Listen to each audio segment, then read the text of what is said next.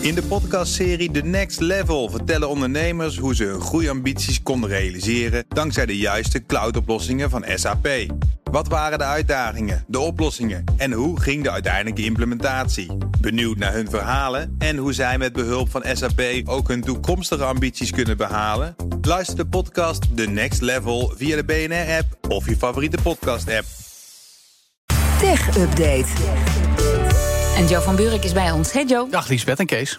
Ja, dankzij de EU komen er nu crash-testcentra voor AI in Europa. Ja, dan moet ik altijd denken aan auto's. Ja, dat, dat is helemaal niet zo gek, want dat doen we al decennia lang met auto's eh, testen op eh, hoe het gaat als ze crashen.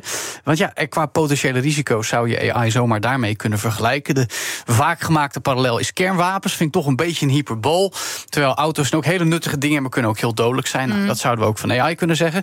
Anyway, er komen dus vier permanente testcentra voor AI-toepassingen en dergelijke in Europa. En één daarvan is uh, geleerd aan de Technische Universiteit van Denemarken. Daar is vandaag dit initiatief afgetrapt. Kostenplaatje 220 miljoen euro vanuit de EU. Daar wordt dus vanaf volgend jaar AI in alle soorten maat getest. Niet alleen eh, software toepassingen, moet ik zeggen, maar ook robotica. Bijvoorbeeld robots die ingezet worden in de zorg of in de landbouw. Die moeten daar dus ook fysiek getest kunnen worden. Daarom zijn het ook echt centra, niet mensen thuis. Eh, dit haakt in op natuurlijk de AI-wetgeving die in Brussel in de maak is, de AI-act.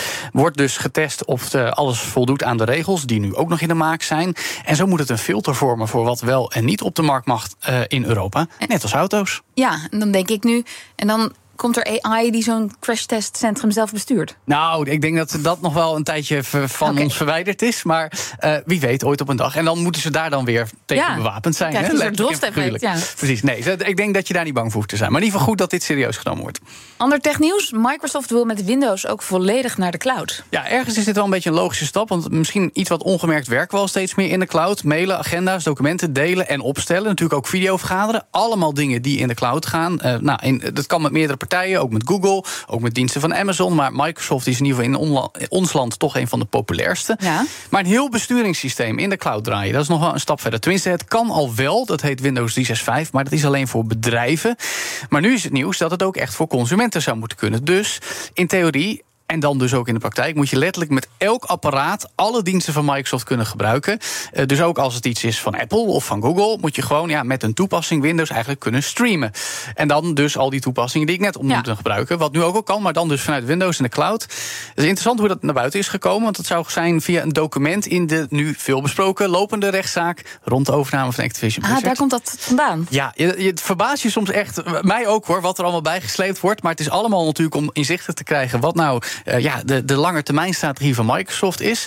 Dit is een van de bewijsstukken eh, in de eh, zaak, het aangespannen door marktwaakhond FTC voor de rechter in San Francisco.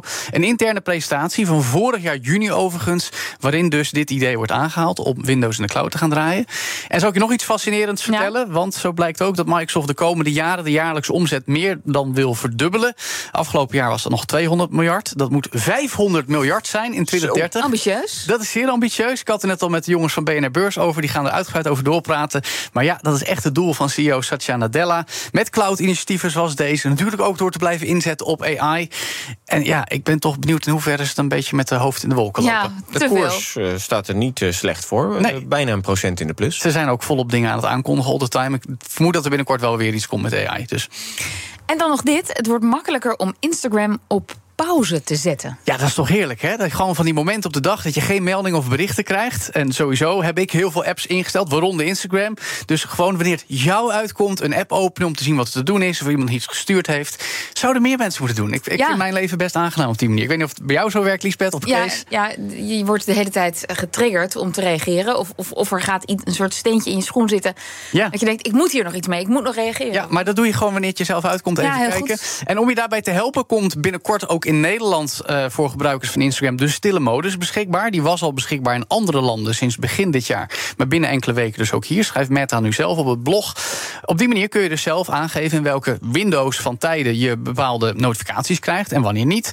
Eh, wie jou dan een Ah. bericht stuurt terwijl jij niet beschikbaar bent, zou ik maar zeggen, krijgt dan ook een melding. Een soort oude Wolfus, zullen we maar zeggen. Van, hallo, Kees die kijkt s s'avonds om 8 uur niet op Instagram. Morgenochtend staat hij weer te woord. Dat is wel handig. Ja, dat is best fijn. Gebeurt trouwens ook al. eh, eh, eh, het is trouwens trouwens ook goed dat eh, je op die manier niet altijd aan hoeft te staan, moet ik zeggen. Er is trouwens ook nog een functie om je een melding te laten geven tijdens het gebruik van de app. Vooral voor jongeren uh, is dat dan bedoeld om aan te moedigen om een pauze te nemen als je aan het scrollen bent of aan het posten. Nadeel is wel dat je dat ook uit kan zetten. En er zijn nog wat nieuwe mogelijkheden, heeft Meta gemeld, voor ouderlijk toezicht. Oh. Moet je wel gekoppeld zijn aan accounts van je kinderen. Ik vroeg me af, Lisbeth, als moeder van tieners, gebeurt dat bij jullie in huis eigenlijk? Ouderlijk, Ouderlijk toezicht, op ja. Instagram? Ja, maar Ja? Ik, ik ben. eh, ik moet eerlijk zeggen dat ze meer aan het Snapchatten zijn. Ah, heb daar heb daar- ik geen toezicht op. Daar heb je dan geen ouderlijk toezicht. Maar dat ik Misschien heeft dat ook met elkaar Ja. te maken dan. Zeker, dat denk ik ook. Ja, Ja, nee, dat is lastig. Dan moet gewoon op de ouderwetse fysieke manier, zou ik maar zeggen. Ja, stoppen, nu. Dus Dankjewel, Joe van Buurik. De BNR Tech Update wordt mede mogelijk gemaakt door Lenklen. Lenklen. Betrokken expertise, gedreven resultaat. In de podcastserie The Next Level vertellen ondernemers hoe ze hun groeiambities konden realiseren dankzij de juiste cloudoplossingen van SAP. Wat waren de uitdagingen, de oplossingen en hoe ging de uiteindelijke implementatie? Benieuwd naar hun verhalen en hoe zij met behulp van SAP ook hun toekomstige ambities kunnen behalen? Luister de podcast The Next Level via de BNR-app of je favoriete podcast-app.